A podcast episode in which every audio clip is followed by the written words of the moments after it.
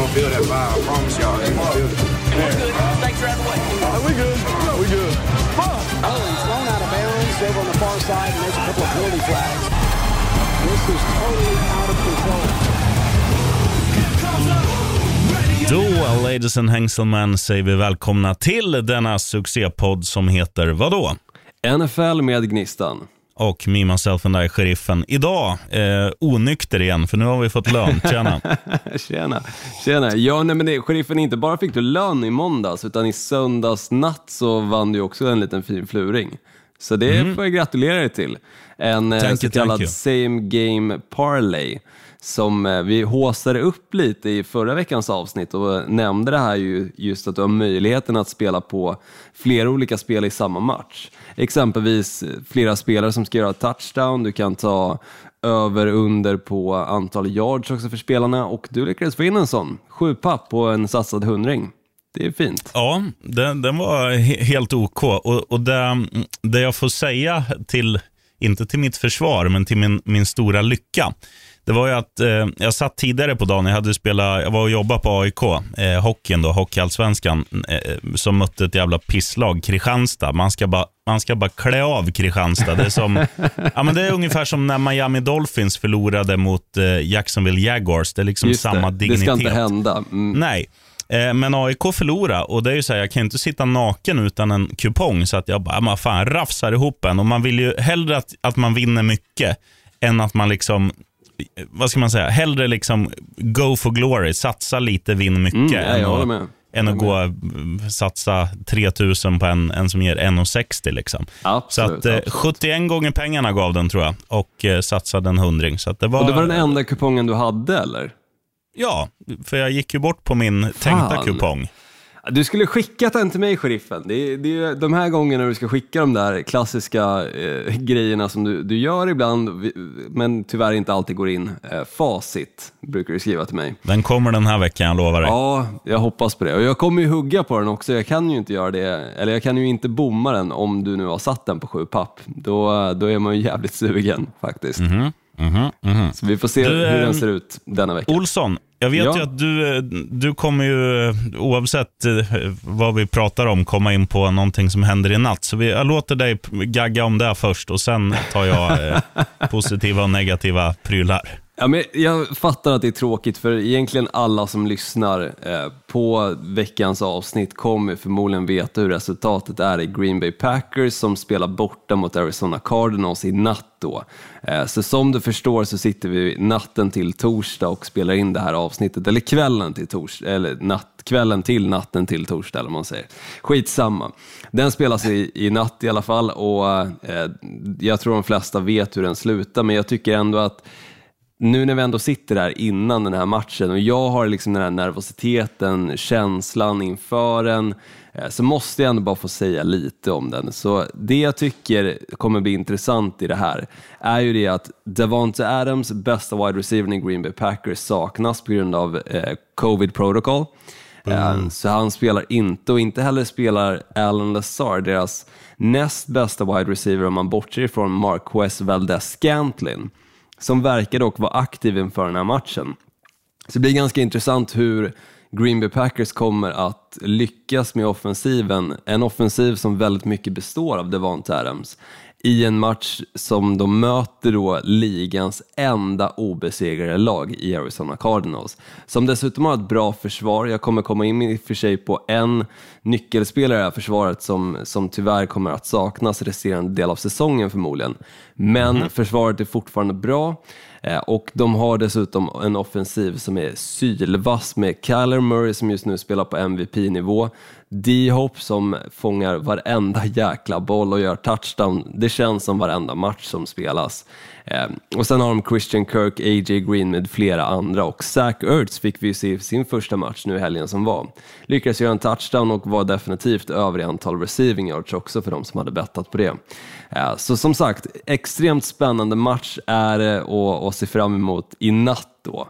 Eh, men såklart, du som lyssnar har väl förmodligen koll på hur den slutar och hoppas att Green Bay Packers ändå kunde hänga med något sånär i den här matchen. Kanske lyckades vinna såklart, men jag, jag tror tyvärr att det, det här kan nog bli Green Bay Packers första förlust sedan vecka ett mot New Orleans Saints. Och så kommer det givetvis bli. Så där, nu har jag pratat klart, med, pratat klart om Green Bay Packers. Som sagt, den spelas i natt, så vi behöver inte nämna mer just om den i detta nu. Däremot så vill jag höra väldigt mycket om vad du tyckte om helgen som var, sheriffen. Så lite positiva och negativa överraskningar. Och jag känner mig på bra humör idag, så kör gärna de positiva först. Ja, eh, det här trodde jag inte jag skulle få säga närmsta decenniet. New England, eh, och bra i samma mening, men deras lekfullhet. Alltså visst, de mötte Jets, men det var ändå häftigt att se hur kul Mac Jones och company hade. Det var lite som att se en klassisk college-match. Det var liksom många trickplays, det var mycket poäng. Det var en spelglädje som jag inte skådat sedan eh, geten Brady lämnade Bostonområdet. Så det var jävligt kul att se Patriots offensiv.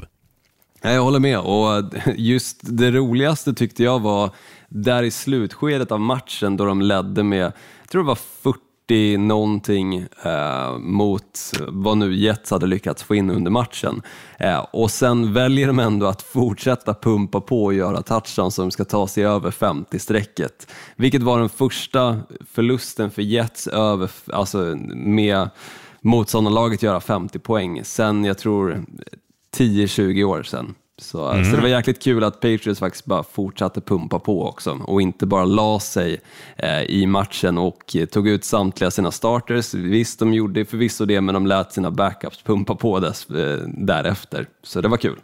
Ja, de, ett par spel fick de ju och, och, och just det där att alltså, de har känts väldigt mekaniska och nästan robotiska sen Tom Brady lämnade. Men nu var det verkligen proppen ur och bara spelglädje till fullo. Det var, det var jävligt maxat. Ja, jag och på tal hoppas om, de tar eh, in det i den här matchen som kommer nu i helgen. Eh, Ja, ja, för fan. Och på tal om Tom Brady, the GOAT, geten på svenska. Jag spyr. Jag vill egentligen inte snacka om Brady, men det går ju inte att undvika. Han är för bra.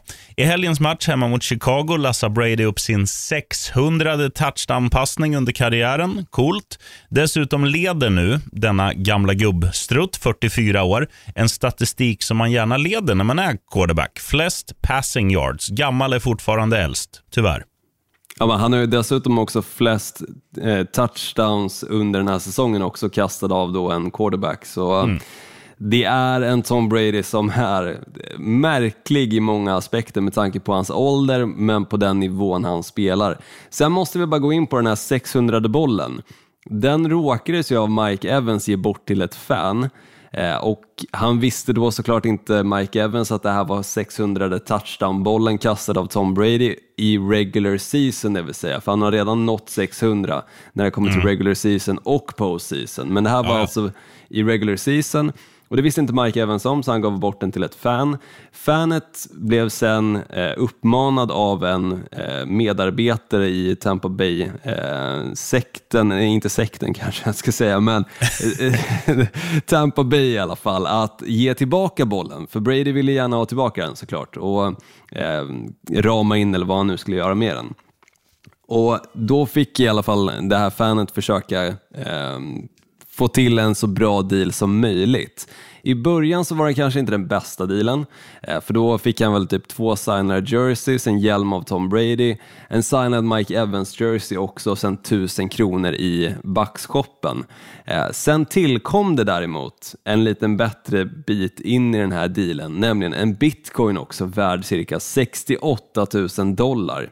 Men frågan jag vill ställa dig, sheriffen, var det här en bra deal eller inte? För det är nämligen så att bollen har redan nu värderats till 500 000 dollar. Två ska tilläggas, han fick två säsongsbiljetter också till 2021-2022 säsongen. Ja, det där var världens bästa deal. Vad fan, du, du sitter på läktaren, du, du fångar en boll, någon kommer. Tjena, du hade ingenting när du kom hit, men nu har du allt det här. Det är klart man tar den dealen. Eh, och, och sen är det ju så här, Även om du hade vetat att bollen, om du kikar liksom i efterhand att bollen var värd 500 000 dollar. Jo, men det är ju bara, en- det är bara en summa de slänger sig med. För att så här är det, den, den är mer värd för Tom Brady än vad den är för någon annan. För att han har den i sitt lilla prisskåp där nere. Och, och De är ju väldigt mycket för memorabilia, jänkarna överlag. Och, och jag tycker så här, av respekt mot en, en snubbe som säkert har varenda liksom, hundra boll uppradad i sitt lilla kartotek. Det är klart som fan han ska ha den där också. Och och får man alla de, alltså hade jag varit den som fångar bollen och de hade sagt du får en signerad Tom Brady-tröja, jag hade ju tagit det åtta dagar i veckan, men han får så mycket mer så att han ska, han ska vara nöjd. Ja, men jag, jag är faktiskt med i det där, sheriffen, att han definitivt ska vara nöjd. och är man ett fan av Tom Brady, vilket den här personen också var, så är ju att lämna tillbaka bollen det givna alternativet, det man gör. Eh, sen precis som du säger, jag hade nog nöjt mig med ganska mycket mindre. Hade de sagt att du får två stycken jerseys, en hjälm, signad jersey, alltså jag hade lämnat tillbaka den direkt där och då när de hade sagt bara den, de två meningarna. Sen tusen kronor, två säsongsbiljetter och sen Dollars. till slut en, en bitcoin också. Eh, precis, tusen dollar, förlåt sheriffen. Eh, men en bitcoin också värd 68 000 dollar, alltså det är ju världens lyckligaste fan, utan tvekan. Och som sagt, han verkar uppskatta Tom Brady väldigt mycket, så jag tror han har lämnat tillbaka den här bollen för mindre. Definitivt. Nästa pryl som ska upp på den positiva listan eh, det är då firma Burrow och Chase. För så här är det, Bengals leder sin division. De står på 5-2. De borde kanske stått på 6-1 efter den här sura förlusten mot Green Bay när det var, ja, alla kickers hade skörbjugg i sparkbenet. Eh, men huvudanledningen till den här helomvändningen och succé, succéstarten eh, ska ju mestadels tillskrivas QB Joe Burrow och eh, som har visat att han är på riktigt också då eh, Jamar Chase. För Chase hade ju en tuff försäsong som alla vet, även Burrow, men framförallt Chase. Han har ju nu visat klass i match efter match och i helgen var det inget undantag. 201 yards, åtta fångade bollar, en touchdown och det viktigaste av allt som jag tycker vi fokuserar för lite på, vinst för laget. För det är någonting som verkligen Eh, det är verkligen en pryl nu i Cincinnati Bengals. Alltså, de har blivit ett lag. Och Framförallt är det de här, ja, de hade ju Borrow några matcher i fjol också innan han eh, drog knät, men eh, liksom de, man får in några pusselbitar och helt plötsligt så blåser det så jävla positiva vindar. Det, det är så märkligt, men det är så underbart med sport. Ja, men jag älskar det och jag tycker det känns kul att vi än en gång får se en franchise egentligen vända hela sitt skepp åt det rätta hållet. Vi såg exempelvis Cleveland Browns förra året komma till slutspel och dessutom vinna en slutspelsmatch för första gången på extremt lång tid. Ja men extremt lång tid, 90-talet snackar vi om här. 1890 sen, alltså. Ja, precis. Och nu får vi se Cincinnati Bengals som spelar också i Ohio, precis som Cleveland, eh, alltså delstaten då, också lyckas vända sin organisation till, till det positiva och nu leder sin eh, division ändå och, och dessutom lyckades alltså, tvåla till Baltimore Ravens rejält. En divisionsrival som har kört över dem de senaste tio åren, bokstavligen. Eh, lyckas de själva då vara den som kör över. Så nej, det var riktigt kul att se och Jamar Chase leder ju dessutom receiving-ligan också och är rookie, det vill säga. Så det är enormt roligt det här Cincinnati Bengals-laget att följa just nu. Mm. Negativa Olsson vill du ha också? Absolut. Håll i hatten. Kansas City Chiefs. Allt är piss. Anf anfallet är sönderläst. Försvaret är bedrövligt. Bara Washington har släppt in fler poäng. Mahomes radar upp interceptions, ynka tre segrar av sju möjliga. Mot beskedligt motstånd dessutom. Vad fan är det som händer? Ja, men jag undrar det också. Ja, verkligen. Vad fan är det som händer? Det var det enda som jag satt och tänkte under den här matchen mot Tennessee Titans. Där de hade ingenting att stå upp mot. Patrick Mahomes kändes som inte alls sig själv och jag tycker ända sedan egentligen de första veckorna här av den här säsongen så känns det som att det är någonting som har hänt med Kansas City Chiefs. Nog med att försvaret hela tiden har varit dåligt säsongen igenom, men det känns som att anfallet nu får inte till det. Det känns som att Patrick Mahomes försöker latcha till det för mycket och hitta hitta spel där de inte finns, vilket leder till interceptions. Samma sak så eh, Travis Kelce exempelvis gick ut i en Monday Night Football-sändning och sa att han ibland bara hittar på spel och det känns som att hela det här anfallet gör just nu just det. De har liksom ingen rutin, det känns inte som att Andy Reid riktigt sätter en spelplan utan de har spelat så bra så länge nu så att det känns som att de tror att de kan det här som en walk in the park och, och det funkar inte så när, när du spelar i NFL utan de andra lagen har gjort sin hemläxa, vet hur eh, spelet ser ut ifrån från Kansas City Chiefs sida. Eh, kan man läsa det och sen är resten bara påhitt ifrån Kansas City så, så blir det ganska svårt att få till ett bra spel. Eh, framförallt om de väldigt- inte hunnit öva på det. Det finns en väldigt intressant statistik också, för det här är ju helt sjukt att Patrick Mahomes, eh, alltså tidigare säsonger har han inte gjort, kastat många interceptions. I år har de haglat. Men om man bara tittar på krass statistik, för jänkarna har ju statistik på allt, så är det så att under fjolårssäsongen så kastade han fler high dangerous, eh, alltså bollar till sina medspelare som rent statistiskt borde leda till interceptions för motståndarlaget. Men då hade han liksom fru Fortuna på sin sida. I år så, så har han egentligen gjort en bättre avvägning att här är ett bra spel. Men det har nu lett till interceptions istället. Så det är ju någon typ av så här My name is Earl-karma som har dykt upp. Mm, ja, men eh, det känns ju som många av de här spelen som man har fått se på highlights efter highlights med Patrick Mahomes och Kansas City Chiefs har ju varit sådana spel där man funderar liksom, hur är det ens möjligt att den här bollen når fram till sin receiver? Eller tight end i Travis Kelce-fallet. Men nu så känns det som att det hamnar inte där längre utan precis som du säger så, så är det motståndarlaget som fångar de där bollarna istället. Eller också som vi fick se i en av matcherna med Kansas City Chiefs, ganska mycket drops också ifrån receiversarna som såklart gör att spelbilden blir ju en helt annan. Det blir tuffare för Kansas City Chiefs att komma tillbaka. Och det är ju så det är just nu också. Deras försvar är så pass dåligt så att de kan inte springa med bollen i Kansas City för att de ligger under väldigt tidigt i matchen, vilket gör att mycket av pressen sätts på Patrick Mahomes istället. Men om han fattar bättre beslut än vad han gjorde tidigare så borde ju det leda till bättre resultat än tidigare, vilket innebär ännu fler touchdowns. Men någonstans så, så klickar det inte och det känns som att Kansas Chiefs i år är inte samma Kansas Chiefs som vi har sett de andra åren.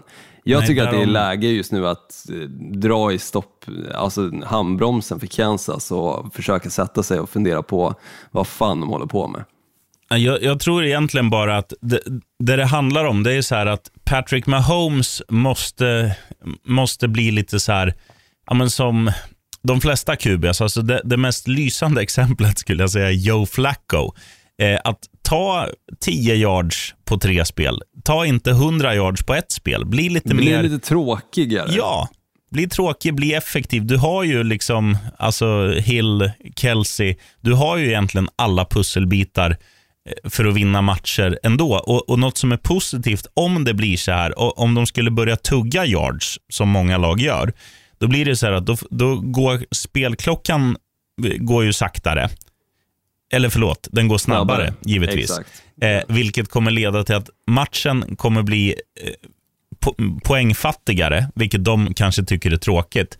Men det kommer också leda till att försvaret får sitta på bänken och vila längre, så att de kommer ju vara mer utvilade när de ska in och försöka stänga igen eh, kiosken och hålla siffrorna nere. Så att jag tror att det är ju en win-win om de skulle få ner matchtempot lite genom att göra mer tråkiga spel.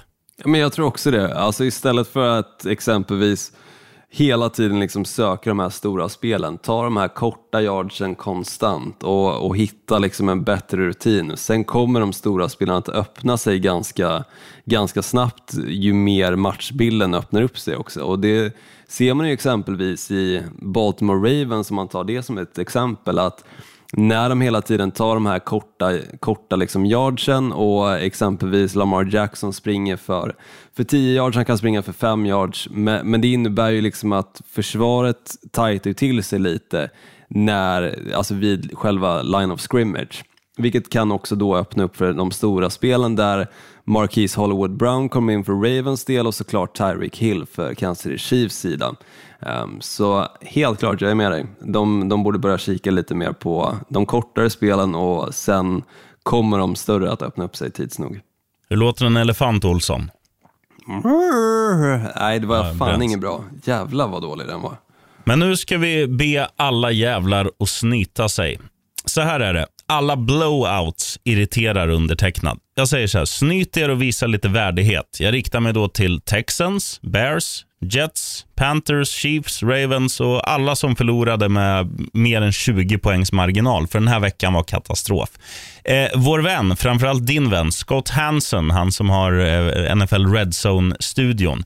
Han säger alltid när det är någon timme kvar. All right, ladies and gentlemen, it's the witching hour when losses becomes wins and wins become losses. Men det lyste med sin frånvaro i helgen. Alltså det var, hände ju ingenting. Alla matcher var avgjorda efter typ en quarter. Och Det var så många matcher som var alltså, så tråkiga att se. Det var liksom bara ett lag på plan. Och uh, Till skillnad från alla andra veckor nästan så var det här verkligen en, uh, ja, en piss i Mississippi. Ja, men det var egentligen en enda match känner jag som, som kan gav lite... Nej, det var det inte, utan det var Miami Dolphins som kom tillbaka lite i fjärde kvarten och det började bli intressant. De ledde i slutskedet av matchen, men sen lyckades eh, Atlanta Falcons att sparka in eh, ett avgörande field goal. Men bortsett från den matchen är jag helt med dig, sheriffen. Det var exempelvis eh, Green Bay, nu när du ändå nämner dem, så lyckades ju de ändå stänga ner hela offensiven i Washington football team, som jag förstår inte hur de inte lyckades göra mer poäng i den matchen än vad de gjorde. De tog sig konstant ner i red zone, nära goal line och lyckades trots det inte att göra en touchdown till efter den första de gjorde. Jättekonstigt och jag håller helt med dig att de här lagen som åker på sådana stora förluster måste visa lite mer på planen. Mm. Det finns mer att hämta. Det är NFL-spelare det är 32 lag som finns, 53 spelare per lag. Bättre ska de kunna leverera. Ja. Och Sista punkten på min negativa lista, det handlar om för många lag med bye weeks samtidigt. Så här är det, sex lag vilades och det märktes. Eh, jag nämnde precis alla blowouts, men det kändes också som en rätt seg omgång och att det saknades liksom riktigt stora matcher på förhand. Kanske för att hela sex lag vilades. Och det var, jag ska lista några av dem. Cowboys, Bills och Chargers. Tre lag som är ganska roliga att titta på. Det ska man säga. De bjuder alltid upp till dans. Sen har vi då Vikings vilade, Steelers vilade. Det är inte de roligaste lagen, inte de sexigaste lagen, men de spelar ofta jämna matcher oavsett vilket motstånd de ställs mot. Och sen var det Jacksonville Jaguars. Det gjorde inte mig något att de vila, men de andra fem saknade jag och, och det måste jag erkänna. Vad fan, så många lag på bye weeks. Skärpning NFL. Ja, men jag, jag, håller med att det just den här veckan som var så var det fel lag som hade bye week samtidigt. För här var det ändå, precis som du nämnde, fem stycken ändå intressanta lag. De är roliga att kolla på och hade alltså två av de lagen mötts bara så hade det blivit åtminstone en match man hade kunnat hypa upp lite mentalt och, och få lite puls inför. Men nu var det ganska alltså, tråkiga matcher i den aspekten att man visste i stort sett på förhand vem som skulle vinna. Det var inte riktigt de här skrällarna som man är van vid, det var inte riktigt de här tajta matcherna utan i halvtid i samtliga så, så visste man hur det skulle sluta och det var lite trist faktiskt, får jag ändå säga. Mm. Vi lämnar över till Olsson med senaste nytt. Ja, det är nämligen så att JJ Watt kommer mest troligen att genomgå en säsongsavslutande operation av sin ena axel så det var den spelaren som jag nämnde lite tidigare, om du hajade till där när jag sa att en spelare i försvaret i Arizona Cardinals kommer förmodligen inte spela resten av säsongen. Det är tyvärr en av deras stjärnspelare, alltså JJ Watt. Sen är det också så att trade deadline är på tisdag nästa vecka och några mm. namn som florerar som eventuella trades är bland annat Texans wide receiver Brandon Cooks, Texans quarterback som vi har pratat mycket om, Deshaun Watson såklart, Eh, Eh, och där så fick jag läsa lite under, under kvällen nu faktiskt att chanserna att han ska bli tradad innan trade deadline är väldigt, väldigt små. Och det kan också vara positivt för just Houston Texans att han inte tradas före trade deadline. För om man kikar nästa år så är det extremt många lag som behöver en ny quarterback och då kan värdet på Deshaun Watson öka eh, extremt mycket. Ehm, så att behålla honom resten av säsongen kan faktiskt tala positivt för ett Texan som inte har någonting att spela för just nu. Ehm, sen andra spelare som också är lite tal om är Patriots wide receiver Enkeel Harry. Ehm, Broncos cornerback Cal Fuller och Giants tight end Evan Ingram. Men precis som vi vet med trade deadline och när det väl närmar sig så kan de stora traden som man inte trodde skulle ske vara just de som sker. Tänker tillbaka på några år sedan då ingen trodde att Jay Ajayi skulle från Miami Dolphins. Helt plötsligt var han i Philadelphia Eagles och gick och vann Super Bowl. Och helt Så- plötsligt är han ingenstans. Och helt plötsligt är han ingenstans. Men jag menar, de här tradesen som man kanske inte hade på förhand haft en enda suck om att de skulle ske, kan ju vara de stora som sen vi pratar om nästa vecka. Så Ja, vi får helt enkelt givetvis. se vad som sker. En som dock har blivit tradad från Texans till sitt forna lag är Mark Ingram, som nu är återförenad med Alvin Kamara och bildar återigen 2018 års bästa running back-duo, fast tre år äldre. Så New Orleans Saints har alltså Alvin Kamara och Mark Ingram tillbaka. Sen är det också så att Jets corner, quarterback eh, Zach Wilson skadade sig i helgens match och missade två till fyra veckor. Vilket ledde till att Jets tradade till sig Joe Flacco, som du tidigare nämnde, sheriffen, från Hjälten. Eagles. Så vi får se Hjälten. om Joe Flacco och hans tråkiga, korta yardspel kan vara nyckeln för att Jets ska kunna vända den här säsongen. Du, en Mycket fråga. Olsson. Ja. Hur många tror du har busringt till Zach Wilson och sagt, sagt Hey, is this Zach? Yeah, you suck. Jag tror inte jättemånga är sheriffen, för jag har för mig att hans collegekarriär var ganska bra. Eh, men nu, men, men om folk har numret just nu så, så absolut. Däremot så tycker jag väl att den som spelar absolut sämst i veckan som var om man kikar på qu- quarterback rookies var ju rookien som vi hittade i Chicago Bears, nämligen Justin Fields. Ja, men han är ju piss. Det har vi redan Tre stycken interceptions och tre fumbles tror jag han hade i en och samma halvlek. Bedrövligt. Men Du- vi ska inte prata så jättemycket om honom eller vi ska Zach bara- jag- Wilson. Jag är inne här för att skriva upp ett stödord. Och Då ser jag mitt, eh, mitt tips på AFC South, att jag faktiskt har Texans 1-16, så den känns ju klar. Ja, men den, den är typ klar redan nu, sheriffen. Det, det är ju dock så, och det vet vi om man kikar tillbaka på förra året, helt jävla plötsligt kan de här bedrövliga lagen ändå vinna matcher. De var exempelvis jäkligt nära om man kikar på Texans mot New England Patriots för bara några veckor sedan. Ett Patriots som nu i helgen körde över New York Jets. Så Det var ju för, de det var nyhetens behag för han nya quarterbacken där som, som är som jävla vattenspridare. Ja, men han, hade spelade jättedåligt matchen innan. Men visst, det Ja, kan ha varit en sån här situation, Patrick. Mahomes situation. Luke. kan vara, kan vara. He, säg Sist- inte att han är, eh, heter han Luke? Nej, det heter Nej, han inte. han heter Hey, Davis Luke. Mills. You're a fluke. Davis. Ja, det har jag ingen rim på. Jag, jag, jag väntar till julafton och återkommer. Tjena. Du får nog göra det, sheriffen. En sista sak som jag bara vill nämna.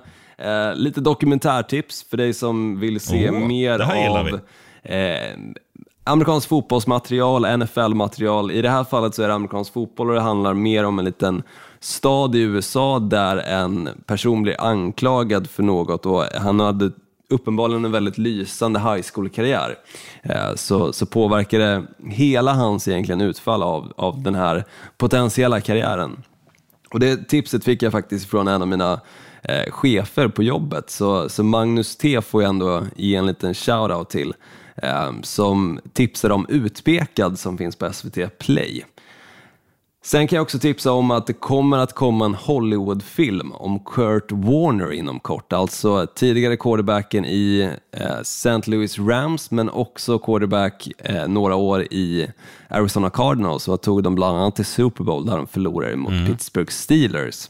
Och det finns nog ingen som ser ut så mycket som en quarterback som honom. Alltså hans eh, jawline och allt sånt där. Nej, ser- och ändå så hade han jäkligt tufft att bli quarterback i NFL och det är just det, det här, den här filmen kommer handla om. Hans resa in i NFL ifrån att vara en undrafted free agent till att i stort sett misslyckas under eh, training camp men ändå få chansen till slut och lyckades få eh, St. Louis Rams att bli, ehm, fan är det de kallas nu?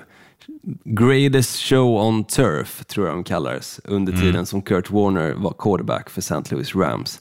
Så den filmen kommer komma, tror jag, i vinter eller början på nästa år. Definitivt ett hett tips att ta med dig flickvän, polare och allting på. Det kommer Får jag bra. tipsa om en grej då när du säger The Greatest Show on Turf? Det finns ju en, en låt som handlar om internet som heter Greatest Show on Earth med ett gäng som gör sid metal. De heter Machine Supremacy från Luleå, så här tv-spel-sound.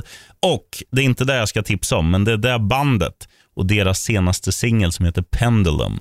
Machine Supremacy, Pendulum. Fantastisk Lyssnade mycket på låt. dem när jag var, var lite yngre, om, om man ändå får, får dra med det uttrycket nu.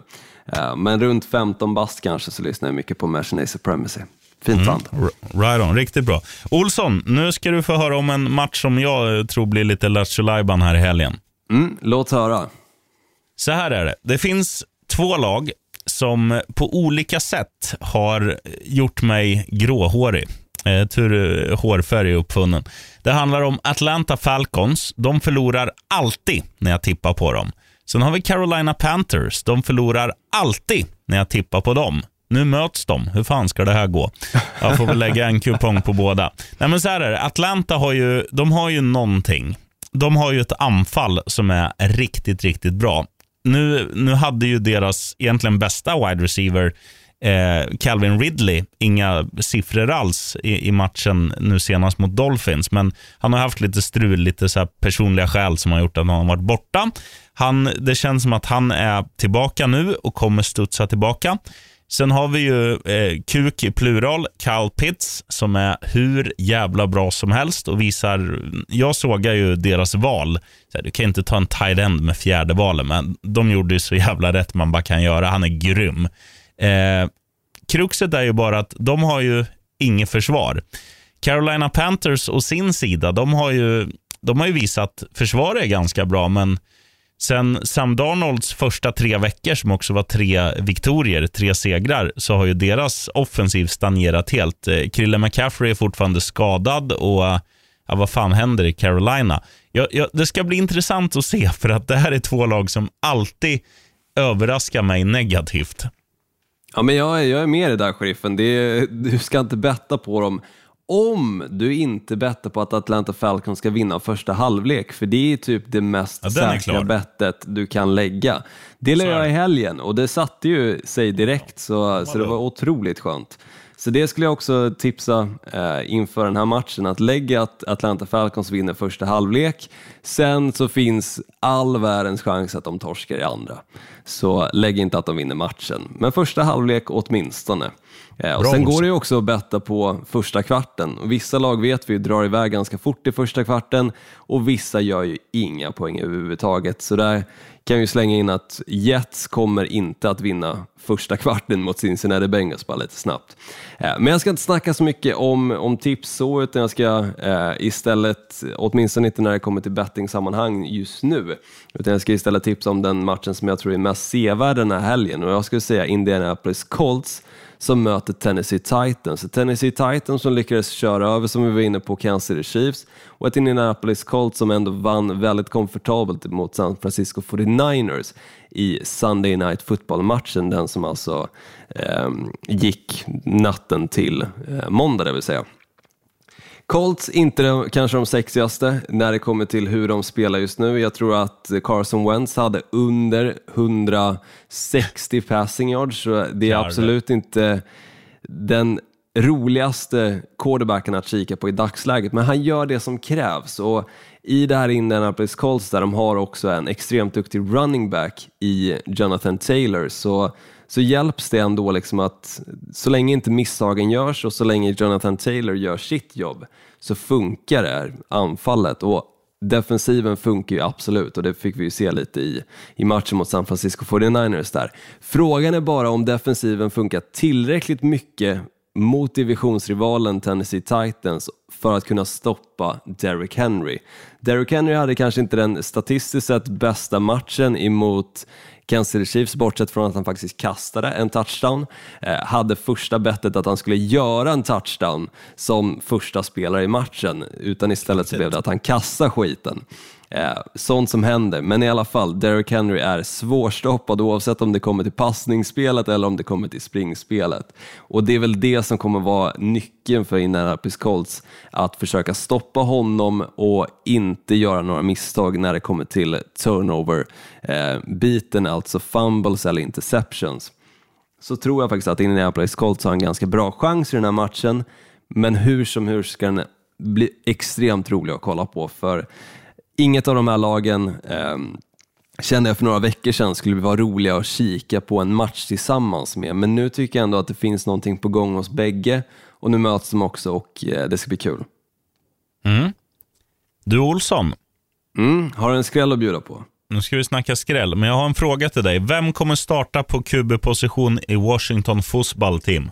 Det kommer att vara Taylor Heineke i den här matchen också.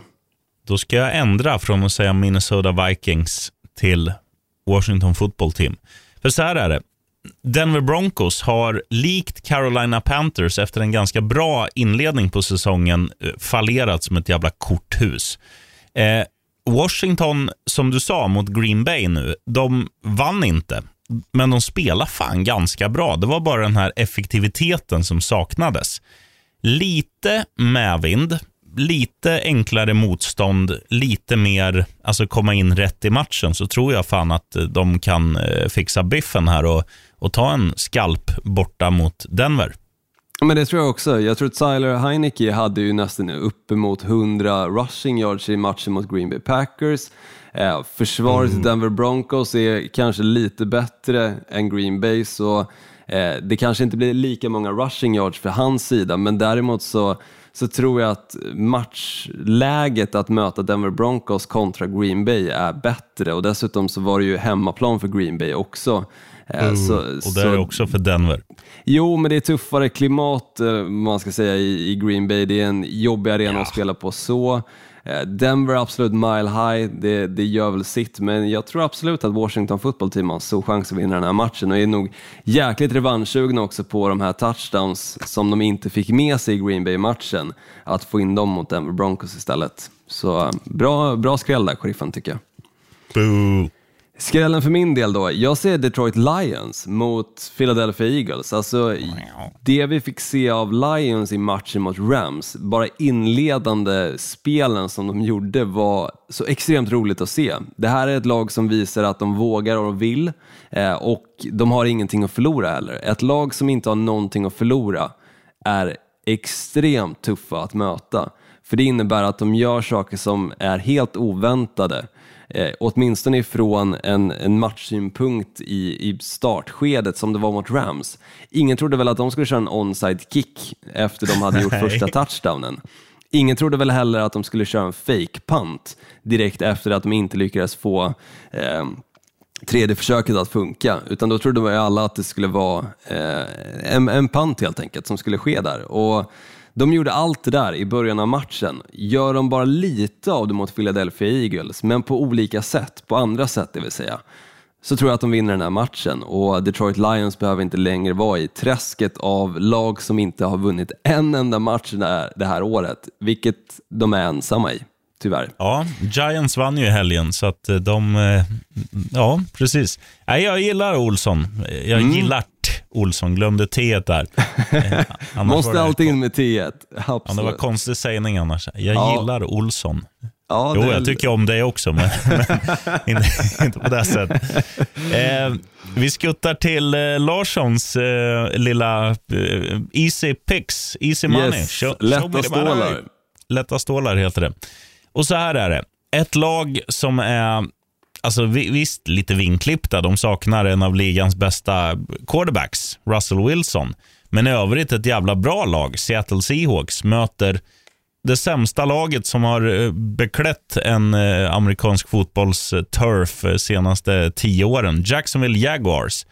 Alltså, Jacksonville vill ju inte vinna. De är ju så här, fan, vi har ju vunnit en match i år. Nu, nu, är det ju, nu får vi kämpa här för att, för att inte vinna mer. Vi har, vi har Houston Texans, dessutom i samma division. Så vi kommer mötas en gång till. Hur fan ska det här gå? Eh, och eh, Seahawks, alltså, säsongen är ju inte, inte körd rent statistiskt. Och Nu har man ju faktiskt ett drömläge att ta en vinst för att ge sig själva möjligheten att få tillbaka Wilson och ta sig till slutspel och där make some hay. Eh, alltså, hemmaplan mot ligans sämsta lag som inte ens vill vinna. Det är klart som fan Seahawks vinner. Och lyssna på det här nu, du som lyssnar.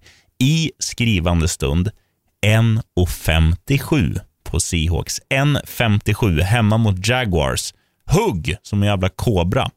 Jag är med dig på den sheriffen med tanke på försvaret så som det spelar mot New Orleans Saints visar på att de ändå kan stoppa bra alltså spel offensivt eh, och Jacksonville Jaguars är inget spel offensivt så absolut att de kommer kunna fixa den här biffen och dessutom hemmaplan, det är ett alltså South Florida-lag, som, eller Florida-lag, eh, norra är förvisso, eh, så, som ändå reser till Seattle och som är regnigt, pissigt och jävligt och det var det i matchen mot New Orleans Saints också. Eh, och så länge det är det i den här matchen så, så kommer de bli överkörda, så absolut. Bra tips där, sheriffen. Min då, där säger jag Cincinnati Bengals mot New York Jets. Jag nämnde redan tidigare att du kan lägga på att Cincinnati Bengals vinner första kvarten, de vinner andra kvarten, de vinner tredje kvarten och de vinner fjärde kvarten. De kommer ja. vinna hela jävla den här matchen. De kommer till och med vinna Stanley Cup om de fortsätter så här. Ja, så länge de bara möter Jets. Men den här duon som du var inne på också, Burrow och Chase, är ju oslagbara just nu. Och sen har de ju också eh, Usama, eh, deras tight end, som jag tycker verkligen får för lite cred eh, när det kommer till tight end-communityt. För han har ju verkligen steppat upp de senaste matcherna. Mm -hmm. och mhm. gjort touchdowns efter touchdowns efter touchdowns. Och såklart, Jamar Chase är ju liksom the poster boy tillsammans med Joe Burrow, men man får inte glömma tight heller och sen har de ju andra bra spelare i det här laget också som Tyler Boyd exempelvis, en annan wide receiver. Eh, och Joe Mixon, deras running back som inte får jättemycket speltid i och med att han har lite problem med, med kroppen i dagsläget men ändå får tillräckligt mycket speltid för att få till en touchdown här och där. Så eh, det är ett farligt Cincinnati Bengals, det är ett bedrövligt New York Jets nu med Joe Flacco som quarterback. Så du hör ju liksom, det är, det är bara lassa in pengar på att Cincinnati Bengals vinner. Hell yeah. Trippel då, sheriffen. Vad har du att bjuda på där? Ja, men vi kör väl... Jag gillade du sa om Atlanta Falcons. Man vet att de vinner första halvlek. Så att eh, Atlanta Falcons och leda mot eh, Carolina Panthers i halvtid tar vi.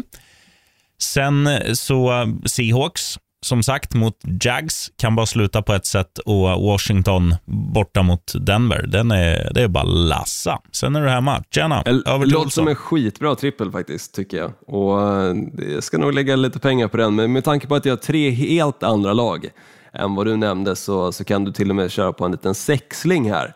För jag ser att Bengals fixar minus 6,5 mot Jets. Det är lågt räknat får jag ändå säga. Du kan säkert lassa att de kör minus 20 och ändå få in det, eh, för det är ett så jäkla dåligt jetslag. Lions tror jag löser plus 7,5 så jag kör en liten konservativ eh, trippel här faktiskt. 7,5 mot Eagles tror jag att de fixar, alltså plus handikapp på Lions. Och sen tror jag att 49ers vinner mot Chicago Bears. Och där har du 3,40 gånger pengarna eh, bara på den då, så ändå en stabil men konservativ mm, trippel i det, i det fallet. Eh, men, men, som sagt, Bengals kan du nog krydda med ett lite bättre handikapp än minus 6,5. Exempelvis minus 10,5 så har du lite mer pengar. Jag likert. Jag likert. Mm. Schysst, och vi får väl se om du också är lite sugen då, sheriffen, på en rookie-trippel återigen. Eh, ja. De är ändå lite spännande när man kikar på de här rookiesarna och exakt vad de kan leverera på planen. Jag säger så här, Trevor Lawrence tror jag kommer ha fler passing yards än Geno Smith i Seahawks. Mm -hmm. Sen säger jag att Kyle Pitts gör en touchdown mot Panthers och Texans rookie quarterback kastar minst en interception. Ja, mot Rams. den är fin. Eh, Rams fråga... är också ett sånt lag som du kan lägga på att de definitivt kommer att vinna första halvlek. Ja. Eh, på tal om Rams, Matt Stafford, räknas han som eh, ålderman? Ja, men det får man väl ändå säga. Och eh, han spelar bra just nu, tycker jag. Han är glödhet. Vi, vi har ändå pratat ner Matt Stafford inför den här säsongen och lite i början av säsongen också och tänkt att det här kommer inte bli någon skillnad från Jared Goff, men wow! Ja. Framförallt Cooper Cup och eh, Matt Stafford har ju verkligen hittat varandra. Jag tror jag nämnde det förra veckan, men det tål att nämnas igen. De två tillsammans är sylvassa. Inte lika vassa som Joe Burrow och Jamar Chase, men de är fan nära på att vara det. Är du med på en veteran-trippel, Olsson? Väldigt gärna. Matt Ryan, Atlanta Falcons QB. Fler passing yards än Carolina Panthers motsvarighet. Eh, sen har vi då Los Angeles Rams QB, vår vän som vi precis nämnde, Matt Stafford. Han kommer ha överspel på antal passade touchdowns. Sen om linan ligger då på 2,5 eller 3,5, kör bara, för de kommer göra poäng mot, mot Houston Texans. Det är inget snack. Och de har ju heller inte, de är inte kända för sitt springspel.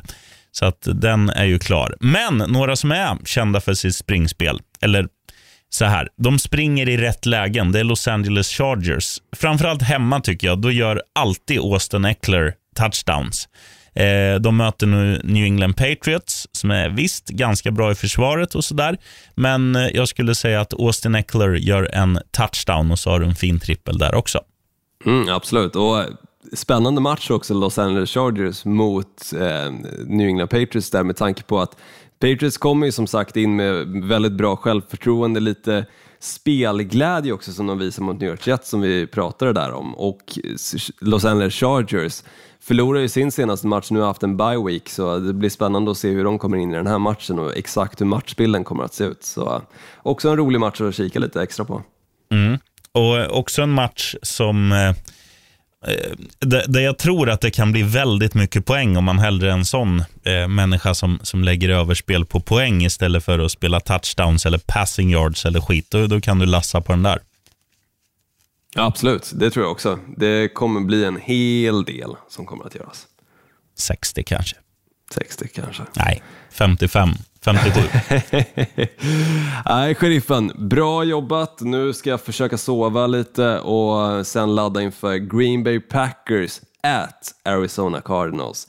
State Farm Stadium, tror jag att den heter. I. Glendale, Arizona. Ja, det är möjligt. Jag tror att de, de har bytt namn till, den hette så, nu tror jag att den, den heter som deras college, men jag kan ha fel. Eh, jag kan tror också att- ha fel. Jag, jag vill bara minnas att man har hört State Farm väldigt många gånger när de har pratat om just den arenan. Mm. Ja, Och man sen att Green Bay Packers quarterback Boo. Aaron Rodgers är Boo. ansiktet utåt för State Farm gör ju det lite bättre. Boo. Ehm, vet du vad jag ska göra? Jag tror att du ska ta en whiskypinne och sen ska du sova. Mm. Jag ska göra en plura. Jag ska bli full för kärlekens skull. Eh, och sen eh, återuppstå imorgon, för då är det match. Då är det match. Då jävlar. Då är det handboll. Du, eh, bra jobbat Olsson. Vi, vi snackas. Och du som lyssnar, we love you. Har du någon fråga, gå in på våran Facebooks där vi heter NFL med Gnistan och Sheriffen. Och så skriver du av dig vad du har på hjärtat. Jag har fortfarande inte käkat korv. Det, det, det är för att Nej, jag har ro, rogga-vecka nu och full mm. agenda. Men jag kommer lösa det där inom kort. Kanske på Ja. söndag med lite tur. Nu när du dessutom har vunnit pengar och fått lön så, så Ja, måste nu, är det du inte definitivt... pengarna, nu Nej. är det inte pengarna som spökar, utan nu är det tiden. För att nu är det så här, när man har eh, dubbla jobb eh, åtta dagar i veckan plus en hund, då blir det så här, fan, jag hinner Tänk inte vad handla. surt, sheriffen. Tänk vad surt om du hade lagt den där sista pengen du hade som du la på det här bettet som då gick in för sju papp istället på att köpa korv. Ja, det, hade, det hade varit min vanliga tur slash otur. Så att Och så satt du där och chockad. hade liksom kupongen på mobilen liksom lagd men inte kunde lägga bettet för att du inte hade tillräckligt med pengar. För att du köpte fan korv. mig. Uff, mig. Den hade Nej, I varit... helgen blir det korv. Ja, det är bra. Bra, sheriffen. Jag har också tänkt så här, jag har ju lite grejer som ser ut som korv i kylen, alltså samma form. Jag har ju typ så här vårrullar och skit. I värsta fall om jag inte hinner handla får jag väl ta en vårrulle med ketchup. Liksom. Ja, men annars, annars tror jag att det är helt okej att du väntar till nästa vecka också, sheriffen.